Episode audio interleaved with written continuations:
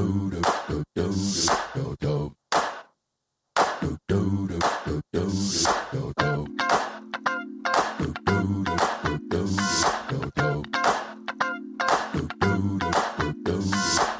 er Frokost uten filter. Vi er på dag tre i Arendalsuka. Um, og temaet i dag er uh, ett år med klimastreik og en vinter med flyskam og ymse klimarapporter. Hvor er vi egentlig nå? Gjestene her i dag er Gaute Eiterjord, leder i Natur og Ungdom. Det er Kristin Halvorsen, direktør ved Cicero senter for klimaforskning, Universitetet i Oslo. Det er Pål Eitreim, som er konserndirektør for Fornybar i Equinor. Og det er Lars Andersen Resare, sjef for miljø og sosialt ansvar i SIS. Velkommen, alle sammen. Eh, jeg vil eh, begynne med deg, eh, Gaute. Det, er jo nå Neste uke så er det ett år siden Greta Thunberg tok med seg papplakaten sin og skrev 'skolestreik for klimaet' og satte seg utenfor Riksdagen og ble værende på skolestreik der hver dag til riksdagsvalget var over. Og så har hun fortsatt hver fredag etterpå. Og dette er blitt en internasjonal bevegelse. Hvordan har det siste året vært for deg? Nei, det har jo eh, vært eh, ganske sjukt. Um, for å si det mildt. Når vi tok oss sommerferie på NU-kontoret, så var vi ganske slitne alle sammen. For jeg tror det, Vi har jo aldri opplevd så eh, mye miljøengasjement hos eh, ungdom i Norge. Eh, vi var jo egentlig ganske tidlig ute med å streike i Norge. Vi gjorde det allerede i september i fjor. Bare et par uker etter Greta Thunberg begynte å gjøre det. Eh, men den streiken er det ikke så mange som husker. Eh, og faktisk var det litt sånn rart når media begynte å spørre oss i januar hvorfor har dere ikke streik i Norge, dere òg. Så hadde vi gjort det for et halvt år siden. Um, men i løpet av våren så har de jo sett de største miljødemonstrasjonene i Norge noensinne. Og de største ungdomsdemonstrasjonene. Og i løpet av våren så er det jo mer enn 50 000 elever som har streika skolen for klima fordi de mener at det haster såpass mye å gjøre noe, og det blir gjort for lite. Når, når er, det, når er neste streik? Det er 30. august. Så eh, det er jo før det lokalvalget i Norge. Og vi håper vi kan oppnå noe av det samme som du så i det danske valget og i valget til EU-parlamentet. At mm. klimastreiken får miljøet til å bli den viktigste saken i valgkampen. Hva tror du er det, hva er det som har utløst dette nå? Jeg tror det er veldig mange barn og unge som er, er skikkelig bekymra. Og alt ekstremværet du så i fjor sommer, eh, det var en øyeåpner for mange. I tillegg til at du har fått rapporter både fra FNs klimapanel og FNs naturpanel som viser at det haster eh, utrolig mye å løse miljøproblemene, og eh, at det er mulig å gjøre det, men at det blir gjort for lite sånn som det er i dag. Og når de voksne politikerne gjør såpass lite, så må de unge si fra, for det er vår framtid det handler om. Eh, og det vinduet som vi har for å unngå de verste klimaendringene, det er i ferd med å lukke seg. Så da, eh, da, kan vi ikke fortsette å lete etter mer olje og gass i Norge. Vi er nødt til å satse på klimavennlige jobber og vi er nødt til å kutte utslippene mye raskere enn det vi har gjort før. For, altså, Norge har jo hatt klimamål i 30 år, og likevel har vi ikke nådd et eneste et av dem. Så det, det er tide at politikerne slutter, slutter, å snakke om klima og begynner å faktisk gjøre noe. Kristin, dere la frem eh, en undersøkelse, noen tall, i går kveld som kan gi noen svar på hva det, som egentlig skjer blant ungdommen. Ja, Vi eh, bygger opp på Cicero en stor uh, Ciceros klimaundersøkelse, som er en sånn monitorundersøkelse med 4000 respondenter. Og Den skal vi bygge opp over år for å se hvordan holdninger og handlinger når det gjelder klima- og miljøspørsmål endrer seg. Og Den første tok vi i fjor. Uh, og Det var jo da før liksom den store mobiliseringa. Og den andre tok vi nå april-mai i år. Og hvis vi ser liksom på den voksne eller generelle befolkningen, så er det ikke så veldig store endringer Eh, fra i fjor eh, til i år. Men det vi så allerede i fjor, det var jo at de mm, under 30 år er mye mer opptatt av klima- og miljøspørsmål enn de mer voksne. Eh, de er mye mer bekymra. De er mye mer villige til å gjøre noe sjøl. Og det vi har sett fra i fjor til i år, det er at de mobiliseres ytterligere. Og at de kanskje de som var litt bekymra i fjor, de er enda mer bekymra i år. Så vi ser også kanskje at det blir litt mer polarisering mellom eldre og, uh, og yngre. Um, Vi ser også at det er litt mindre forskjeller mellom kvinner og menn eh, blant de yngre. Eh, ellers er det sånn at de minst klimaopptatte, det er menn 50 pluss. Tjener over 800 000. Det er typisk, typisk at menn 50 pluss skal henges Sånn at ut. har du altså. dem. Mens den forskjellen er da mye mindre blant eh, de unge. Og det som, er, det som det er liksom størst oppslutning om å gjøre noe med, det er matsvinn. Eh, og alt som har egentlig knytta til mat. Det er kanskje det det er lettest å gjøre noe med, og det som koster oss minst eh, å gjøre noe med. Og så er det jo ikke sånn at det er flertall blant ungdom heller når vi spør. Eh, vi spør jo ikke elsker du bompenger, men er du klar til å betale bompenger. Uten at det kobles til noe, så er det ikke det er liksom ikke stor jubel om pisken alene. Men det er mye større forståelse blant de unge. Da. Så det er eh, jeg tror alle eh, selskaper som er opptatt av å rekruttere eh, ungdom, alle eh, partier som er opptatt av å ha en, hva skal si, en solid base blant ungdom, de må rett og slett skjerpe seg.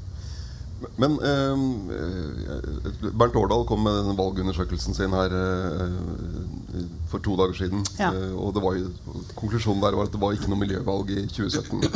Eh, men de ser jo høyere, en høyere miljøinteresse da også blant de unge. Men som han, eh, det, han har jo fulgt dette her over mange, mange, mange Mm. år og sett det samme før. At de unge er mer miljøengasjert.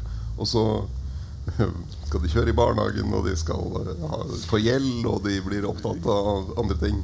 Det vi, det vi også ser, det er at det er også i den neste aldersgruppa, som det er fra 30 til 45, der er det en økende miljøbevissthet. Eh, Og så er de som er minst opptatt av det, det er 45 til 59. Og så blir de litt mer igjen, litt mer nøysomme igjen i det øyeblikket de har, har bikka 60. Så her er det Det er på en måte litt sånn bevegelse på gang. Men det vi jo ikke får svar på i denne undersøkelsen, det er når man faktisk går og stemmer, er det da klimapolitikk som står øverst? Eller er det helse, eller er det skole, eller er det noe, eh, noe annet?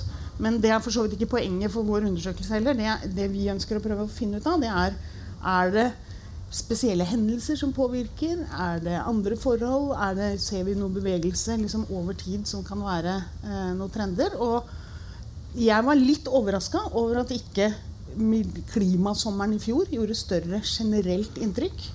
Eller at uh, denne 1,5-rapporten som gjorde at det var veldig mye debatt sånn fra oktober og utover om klimaendringer, at den gjorde større inntrykk generelt sett. Men blant ungdom har den slått veldig uh, tydelig inn. En ting jeg lurer på uh, når det gjelder Greta Thunberg og klimastreiken og retorikken hun bruker, den er jo veldig kraftfull og veldig dramatisk. At, eh, og også høre på, fra klimastreikerne ikke sant? vi har ingen fremtid. Og, ja, eh, altså, veldig ja, veld, veldig, veldig dramatisk retorikk. Og det eh, Per Espen Stoknes, klimapsykolog og MDG-politiker, har sagt, er jo at hvis du skal nå frem til folk med klimabudskap, så kan du ikke komme med dommedag, for da bare lukker de eh, ørene og vil tenke på noe annet. Hvor, hvorfor? Men, vi, men hun har jo nådd gjennom likevel, med å være såpass Men det som kanskje kan være også et, liksom et funn øh, i, i dette materialet som vi har, det er at det blir mer polarisert. Altså De som var uh, ganske bekymra i fjor, de er svært bekymra i år. Men at ikke det er så mye bevegelse over kant, altså, og, som skifter da, fra å være ikke bekymra til å bli uh, bekymra. Og det kan jo være et litt tegn på noe av det, det samme. Jeg syns at dette er noe av det største dilemmaet når man driver med klimaforskning òg. Hvordan formidler vi dette? Fordi at det er jo ikke noe tvil om at vi er på full fart mot fire graders global oppvarming. Uh, og det minst trygge vi gjør nå, det er å fortsette som før. Hvis vi gjennomfører det som eh, vi har lovt alle landene foran FNs klimapanel, så er vi kanskje på tre graders eh, global oppvarming. Det er også dramatiske konsekvenser. Og dette gjelder jo de nasjonale utslippene, og det gjelder de globale utslippene. Så alt vi vet, har jo ikke blitt veksla om i handling enda.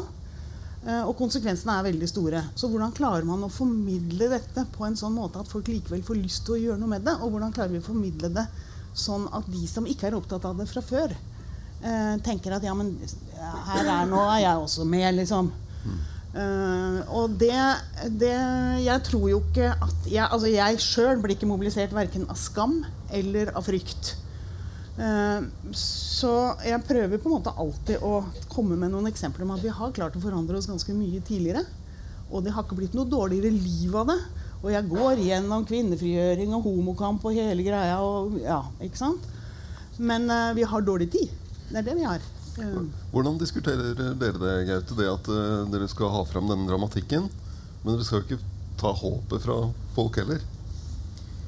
Nei, altså vi har jo alltid et fokus på at um, det fins en hel haug med løsninger på klimakrisen. Og teknologien for det aller meste fins. Det som mangler, er liksom politisk vilje til å sette det i verk. Eh, men eh, det jeg tror vi har lært det siste året, er at det funker å snakke ærlig om klimakrisen. I hvert fall hvis du skal mobilisere ungdom. Fordi de tåler å, å høre hvordan det faktisk er at vi er på vei mot en klode som er helt ugjenkjennelig. Og at hvis vi skal unngå at resten av århundret blir fulgt av ekstremvær og hundrevis av millioner av mennesker som er på flukt, så må vi gjøre noe nå. Eh, og eh, jeg tror kanskje at miljøbevegelsen i Norge har, vært litt, eh, har undervurdert det om liksom, å faktisk snakke ærlig om klimakrisen. Og, og, snakke mer om de følelsene du kjenner på når du er bekymret for framtida di. Um, men, men, så er jo noe av poenget med klimastreiken at sant, det finnes løsninger på klimakrisen, men politikerne velger å ikke bruke dem. De prioriterer ikke klima nok. Og det er det at løsningen finnes med at de ikke bruker det, som jo i hvert fall provoserer meg eh, mest. At vi fremdeles satser så mye på å lete etter olje og gass i Norge når vi kunne satsa på andre ting. Mm. Og da, Det var en fin overgang til deg. kan vi få den første powerpointen min her nå? Der, ja. Dette var uh, en annonse fra Equinor uh, i Aftenposten uh, med bilde fra klimastreiken som vakte ganske skarpe reaksjoner. Hvordan, hvordan, har den, uh, hvordan, har dere opplevd det at de streiker med krav om å stanse det, det, det, dere driver med? Ikke det du driver med, da, for du er jo i det snille hjørnet av Equinor med fornybar. Men det er hovedvirksomheten deres.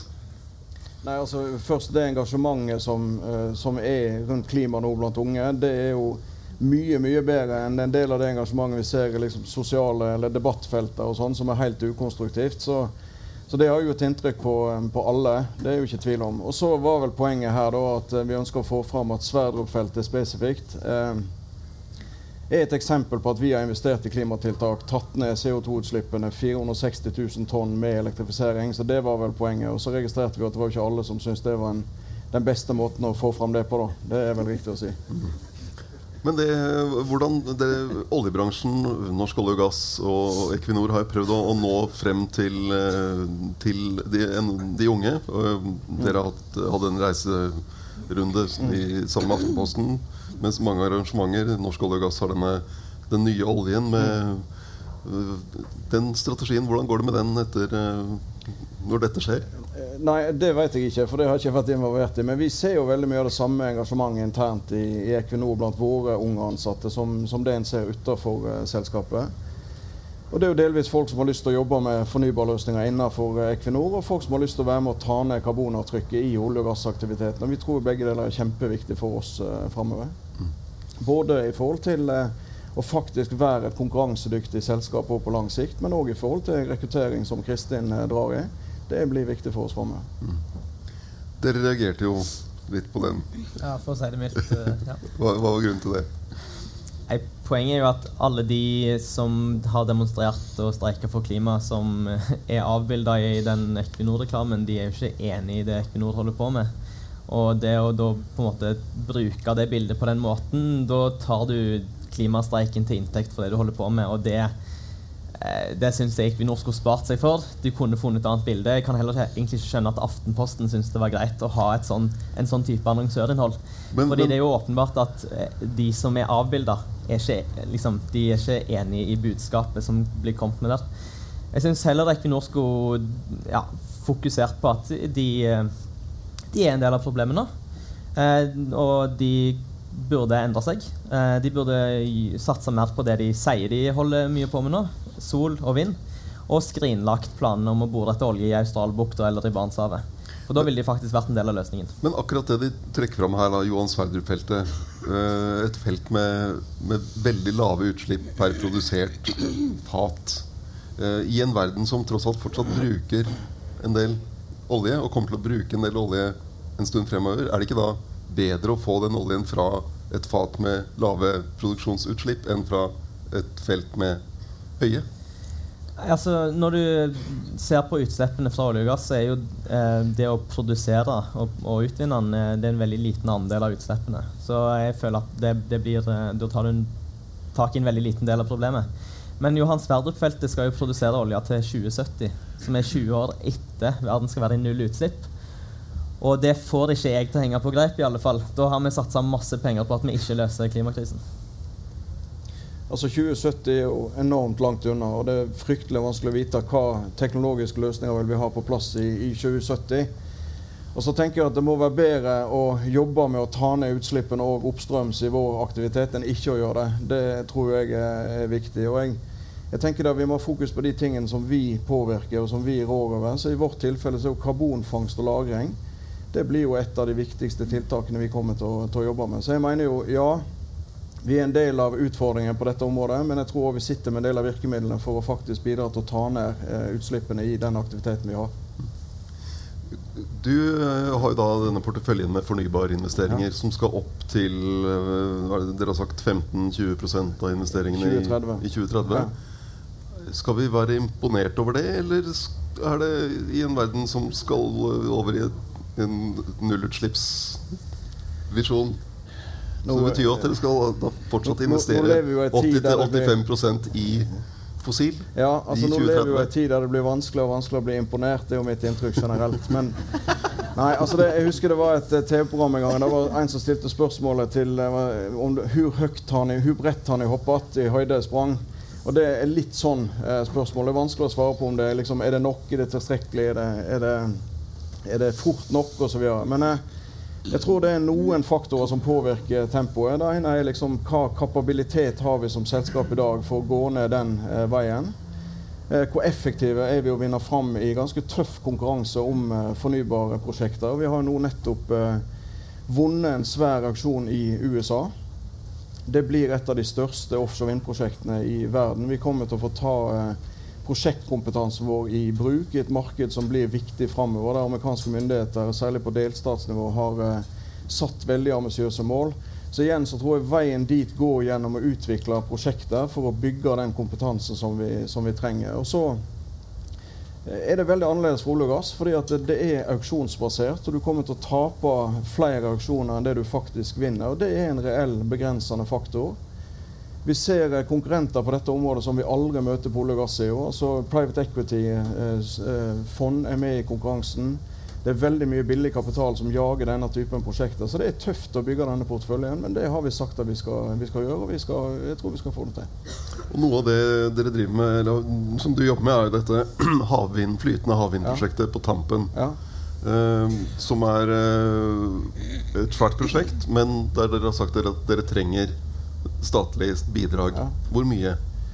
Nei, Vi har ikke vært presise, men vi har sagt at det kommer an på hvor effektive vi er i forhold til å utvikle det prosjektet. Fordi eh, Vår jobb er å ta ned kostnadene på Hywind Tampen så mye som mulig for å gjøre at eh, Enova-støtten blir så lav som, som, mulig. Så det blir jo et eh, Vi vet ikke helt hva tallet blir, men i størrelsesorden 45-50 er jo det vi har indikert at det vil være behov for. Da snakker vi 4-5 milliarder, eller?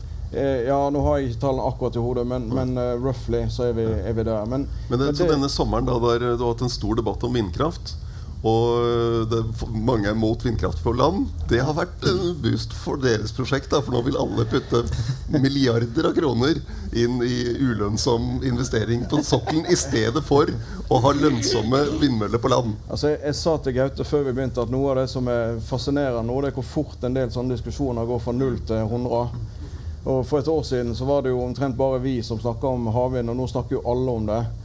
Jeg tror jo ikke flytende havvind er et alternativ til på en måte den onshore-produksjonen på vindsida som vi snakker om nå. og det er jo en, eh, Vi er i en situasjon der vind på land er lønnsomt i utgangspunktet. Det vi argumenterer for, er at Norge har enormt gode havvindressurser, havvindsressurser. Sannsynligvis blant de beste i verden.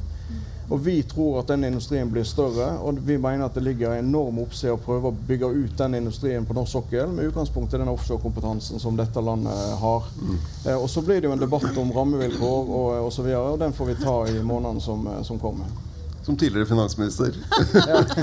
bør vi satse på å subsidiere ulønnsom havvind, eller bør vi la aktører bygge lønnsom vindkraft på Men vi kommer til å trenge alt. Ikke sant? Så det, det er jo helt opplagt at vi også må satse på havvind. Men jeg tenkte jeg skulle komme en liten, for det er jo greie på, på eh, vindkraft på land. fordi der ser vi en stor endring i denne undersøkelsen som vi har gjort. Det var 65% av den norske befolkning som var veldig for. Eller som var eh, for for eh, et drøyt år siden. Og nå er det nede i 50. Men det er fremdeles flertall. Det er under 25% som er imot. Eh, Veldig høylytte, ja. noen av ja, ikke sant? Og det også sier noe om at det er noen desibelfaktorer i disse debattene som en må ta hensyn til. Fordi at, og det tror jeg gjelder i bompengedebatten òg, selv om det er jo ikke stas å, med, å betale noe som helst. Men man kan fort la seg forlede av noen som er veldig eh, høylytte. Og når det gjelder vindkraft, så tror jeg at det absolutt er mulig, hvis vi tenker at vi bør se nærmere på områder som allerede er utbygd, og setter større verdi på eh, naturverdiene, så er det fullt mulig å tenke seg eh, vindkraftprosjekter i Norge som har brei oppslutning. Men vi må bare gjøre den jobben skikkelig. Det må forankres godt. Kan jeg bare kommentere i forhold til det med havvind og lønnsomhet? For det er jo òg en sånn debatt som er, er veldig i skuddet. Og det var jo eh, de landene som nå virkelig har bygd ut havvind, det var jo ikke sånn at den havvinden heller var lønnsom fra dag én. Eh, og hvis vi ser på Storbritannia, har gått fra veldig høye, stabile støttenivåer til nå å nærme seg et nivå som er veldig, veldig lavt. Og Det handler om å få opp volumet, og det er nøkkelen innenfor veldig mye av fornybar. Få opp volumet og få ned enhetskostnadene. Det er nøkkelen i veldig Det mye har av det skjedd vi på sol også, Ja. for eksempel, ikke sant? Enda mer på sol. Ja. Ja. Og batterier. Jeg vil over til flyskammen. Eh, som jo kommer fra Sverige. Hvor- Hvordan, hvordan har dere i SAS opplevd flyskammen? Alltså man kan ju säga att, at eh, dialogen med våre intressenter, våre kunder, myndigheter og andre aktører har ju varit ganska aktiv de senaste åren när det gäller klimatfrågan. Och det är ju, det är ju positivt att vi får en möjlighet att diskutera de här viktiga frågorna. De är ju existentiella, alltså vi måste ju vi ska, helt klart att vi ska ju reducera de klimatpåverkande utsläppen ner mot noll så fort som möjligt. Det är ju liksom inget konstigt med det. Men det som ju hände nu med, med, eh, med den senaste årets så att säga, accelererade diskussion det är att vi ser ju en mycket större interaktion med privatpersoner som ju tidigare var ganska låg.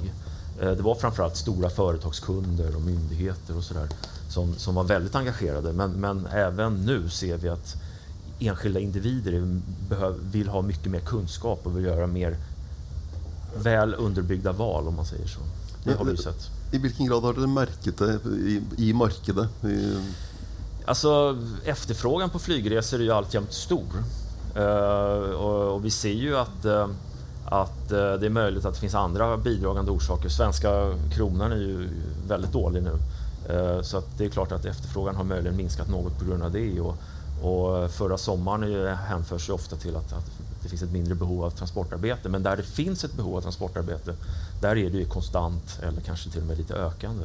Och då är det ju positivt att vi då genom vår, det sätt som vi agerar, ju har, vi reducerar ju våra totala utsläpp även fast vi flyger fler kunder nu. Så mm. det, det är ju en del i vår resa att, att nå våra klimatmål. jeg har en jeg SAS-reklame her også. der, ja. Her. 'Travels for the future'. Ser jo, hun, dere har jo ikke tatt en, en klimastreiker. Dere er jo jeg vet, om, jeg vet ikke hva jeg skal kalle dette grønnvasking, men den hårfargen er vel ikke helt, helt naturlig. Hva, er dere, hva, hva prøver dere å få frem med den kampanjen som dere har kjørt i, i sommer? Det vi gjorde i somras var at for litt drygt ett og et halvt år siden så började vi jo Vi har jo forsøkt siden 2005 å lokke våre kunder til å kompensere sine flygresor med olika typer av projekt eh, i andre sektorer. Eh, Det erbjuds ju av veldig mange aktörer. Eh, Och det vi sa redan i januari förra året då var att eh, låt oss eh, inkludera det här i våra ungdomsbiljetter. Det är en, en målgrupp som, där det finns ett större och större intresse av det här. Låt oss ta den kostnaden. Så att det här är ju en del i att, att prata med ungdomar också, addera då några... Vi har haft lite utmaningar i vår kommunikation för det blir så tekniskt. Vi pratar liksom molekyllängder och hållbara biobränslen och råvaror och, och hur ska elflygen flyga om, om 15 år när vi har dem. Det är inte så många som köper in på dem. Det, det, det är lite för komplicerat. Så därför så ville vi också öka på och berätta lite om våra satsningar inom biobränsleområdet. som vi gör tillsammans med aktörer i Norge och Sverige eh, och med elflyg och framförallt med, med en av världens största flygplanstillverkare som heter Airbus. Mm. Så det är liksom vårt, vårt behov av att beskriva lite att vi är på frågan och vi ska se till att utsläppen kommer ner på noll så fort som möjligt för att vi vet att det finns ett stort behov av att röra sig över stora avstånd mm. i Norge och i alla de marknader där vi verkar. Mm. Dere hadde jo, kom jo også med en nyhet om at dere kutter ut salg av taxfree-varer om bord i, i, flyet. Mm -hmm. uh, og en av grunnene var at da, slipper dere den vekten med å mm. ja, mm. få, ned, få, ned, vekten, og dermed lavere utslipp. Ja. Men, men eh, resonnementet der blir jo egentlig at hvis, uh, hvis, man får, altså, hvis, man får, ned utslippene ved å få ned vekten på mm. det som er om bord, -hmm. så blir da blir jo et argument at hvis vi ikke er om bord så blir utslippene lavere. Så hvis folk ikke går om bord i flyet altså hvor, hvor, langt Er det litt farlig å gå i den veien? For dere? Absolut ikke. Vi, vi oppfatter jo at, at det transportarbeidet vi gjør, og de utslipp som vi genererar om de så baseras på en förnybar eller en fossil källa eller icke förnybar källa så ska det ju skapa så stort värde som möjligt. Mm. Det är ju en ganska enkel logik, liksom nationalekonomisk logik, att vi ska skapa så stort värde som möjligt av de aktiviteter vi gör.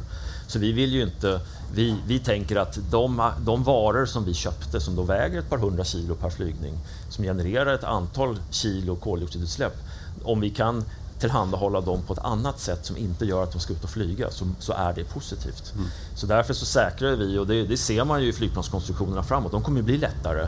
Det, kommer, och det finns ju en direkt koppling mellan hur mycket vikt man har och hur mycket energi som krävs för att lyfta upp det och transportera det. Det gäller ju för alla, alla, alla aktiviteter i samhället så att säga. Mm. Så att det är ju klart att så lätta flygplan som möjligt genom ett antal olika aktiviteter, bland annat den här taxfree-försäljningen då, mm. eh, bidrar ju till att realisera våra klimatmål. Slankare passagerare vill också mm. Alltså, låt oss inte gå in på den. Eh, då kan vi prata om andra aspekter av det sociala ansvaret och, och bärkraftighet. Men, men, men eh, absolut, vi ska se till att vi är så, så uh, våra konstruktioner är så lätta som möjligt.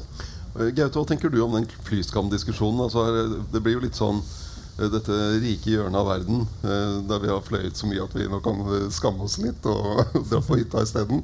Mens du ser De fleste i verden har jo ikke vært i et fly. Og Asia kommer bare dundrende. De, de kommer til å fly. Veksten er enorm.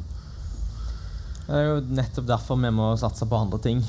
Men jeg syns jo det er bra å ha en diskusjon om flyskam i Norge, egentlig, fordi vi burde skamme oss. Vi flyr dobbelt så mye i Norge som den gjennomsnittlige innbyggeren i EU. Eh, og det er altså den aller største eh, andelen av flytrafikken i Norge er jo mellom de store byene i Sør-Norge, hvor det finnes et alternativ.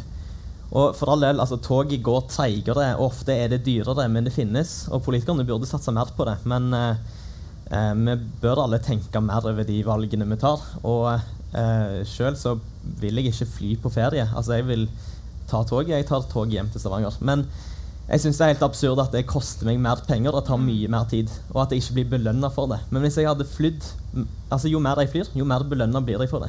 Det burde jo vært omvendt, egentlig. At jo mer du reiste med tog, jo mer belønna ble du for det. Og at jo mer du reiste med fly, jo dyrere ble det. Mm. Ja, det, det, er et helt opplagt paradoks. Men hvis jeg skal komme tilbake til vår undersøkelse Her er det en, en oppvåkning blant i alle aldersgrupper, egentlig. På et spørsmål som vi eh, For vi spør om eh, hva folk rundt deg mener, og hva du gjør sjøl. Og da er de fleste jeg kjenner, mener vi bør redusere antall flyreiser. Der er det 57 av de unge som er helt eller svært enig eller, eller, eller, mener at det stemmer veldig godt. Ganske eller veldig godt. Men det gjelder også for alle aldersgrupper. Så det er noe oppvåkning her i forhold til fly. Men så, jo, så, tror jeg dette kommer litt som julekvelden på kjerringa på ja, ta nattogkapasitet, ta eh, det alternative tilbudet. For det eh, tror jeg mange etterspør og prøver å finne noen andre eh, varianter. Og kommer tilbake til arbeidsgiveren sin med dyrere reiseregning fordi du har, har, tatt tog. liksom. Så blir det noe helt sånne crazy greier der. Så der tror jeg det faktisk at myndighetene har noe å her er det noen som må våkne litt, eh, litt fort for å svare på det som nå mange prøver på, nemlig å finne andre alternativer til flyreiser når det er praktisk mulig. Men vi kommer til å ha behov for å fly. Uh, og så er det spørsmål om, uh, om folk uh, gjør det de kan da, når det er praktisk mulig å få til andre løsninger. Så jeg tror at flyselskapene kommer til å Jeg tror det er utrolig viktig at man både utvikler andre alternativer og tenker igjennom hvordan man kan eh, svare på dette. Men det er et paradoks at det er så mye billigere å fly enn å ta tog. Ja, jag vet inte hur, långt in ska, hur mycket tid vi har, hur långt vi ska gå in på den. För, och det är ju lite olika förutsättningar med olika, om man pratar i Sverige eller i Ja. Norge, men, och i Danmark också för den delen. Men, men tittar man på de olika transportslagen så har de ju så olika förutsättningar för sin liksom grundstruktur. Eh, där vem som finansierar infrastruktur, vilka kostnader man bär, om det, om det ens finns en marknad. Men tittar vi på den svenska marknaden, där har man ju avreglerat järnvägen och där, ser man ju, där agerar man ju helt fritt och, och vår uppmaning är ju att knyta ihop transportslagen så att vi kan skapa mer. Alla älskar ju det intermodala transportsystemet liksom där man ska kunna välja det mest optimala. Och sen ska ju vi se till att vi kan transportera kunder eh, och män, människor och frakt på de här flödena. Men det är ju väldigt stora låsningar mellan de olika transportsystemen idag. Men vi bär ju våra kostnader, som vi uppfattar i alla fall, eh, när det gäller infrastruktur och nu har vi ju en hel del olika skatter och avgifter kopplat till klimatfrågan också, framförallt i Norge. Eh, och, och anledningen till att, att eh, det finns väl många sätt att göra det billigare och göra andra, använda andra transportslag, men vi upplever i alla fall att när du väljer en flygresa, då skulle det vara, man, man, man tävlar lite om vem som flög billigast. Men sen resten av resan får gärna kosta hur mycket som helst. Så att det finns ju liksom en, en skev paradox i hur de här kostnaderna är för att omställningen kommer att kosta.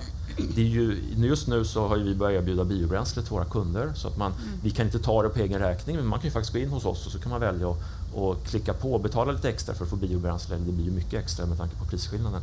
Men vi ser ju också att det, är väl, det, det, det finns ju en tröskel för att göra det. Ja. För man vill, man vill att det ska kosta ett par hundra kronor. Uh, och, och det kostar ju mer att ta taxin ut till flygplatsen här än vad det kostar att ta flyget upp till Oslo. Så att det, är ju en, det är ju en paradox. Men jeg tror at noe av det som kan bli spennende framover, det er jo å, å følge med på om ikke sant? Vi er vant til å tenke at ting går litt sånn noen små prosenter opp og ned. Men jeg tror vi står overfor noen skift her, når du ser liksom holdningsendringene blant de unge.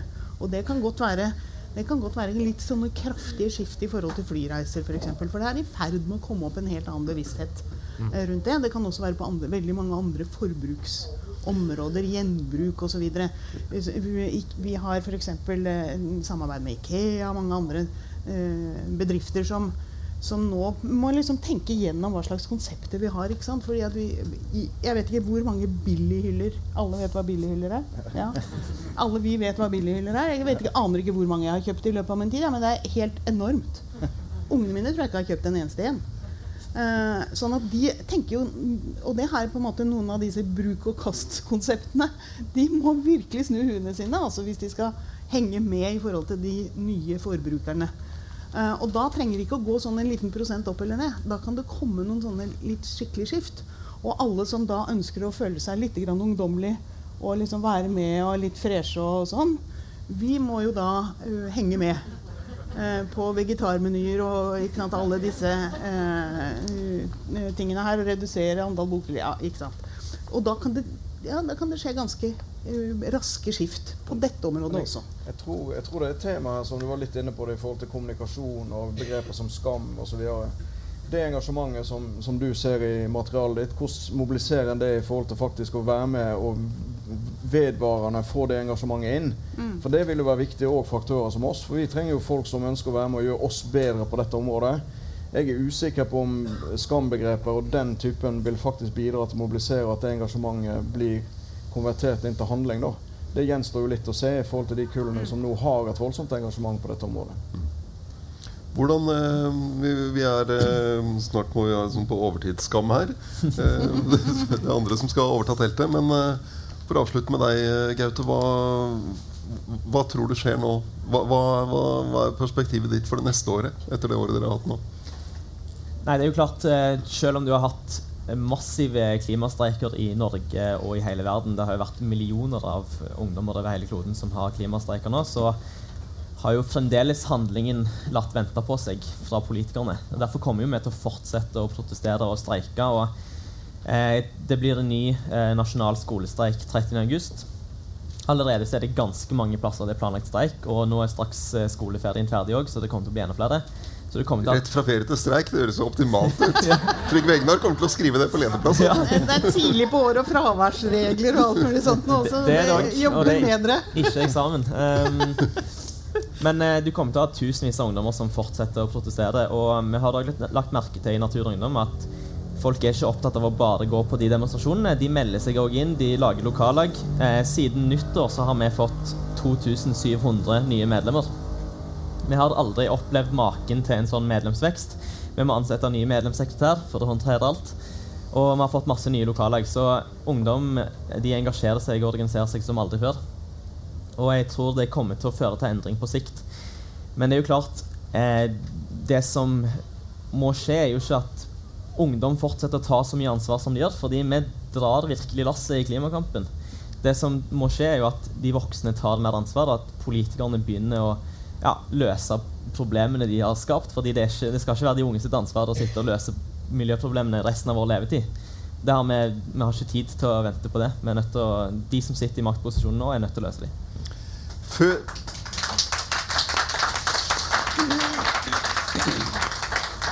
Før jeg takker av panelet, skal jeg bare si at det er eh, frokost uten filter her i morgen tidlig også. Eh, samme tid, 8.15. Da er det fire ungdomspartiledere som skal sitte i disse stolene. I fjor så de ganske slitne ut. Det var torsdag under Arendalsuka. Men vi får se hvordan formen er i morgen. Eh, og de skal snakke om De har hatt en debatt i DN i sommer om, om næringsutvikling og hva vi skal leve av. Så hva skal vi leve av i tillegg til oljefondet, blir tema i morgen. Tusen takk til panelet, og takk til dere som kom. Dope. Dope. Dope. Dope. Dope. Dope. Dope.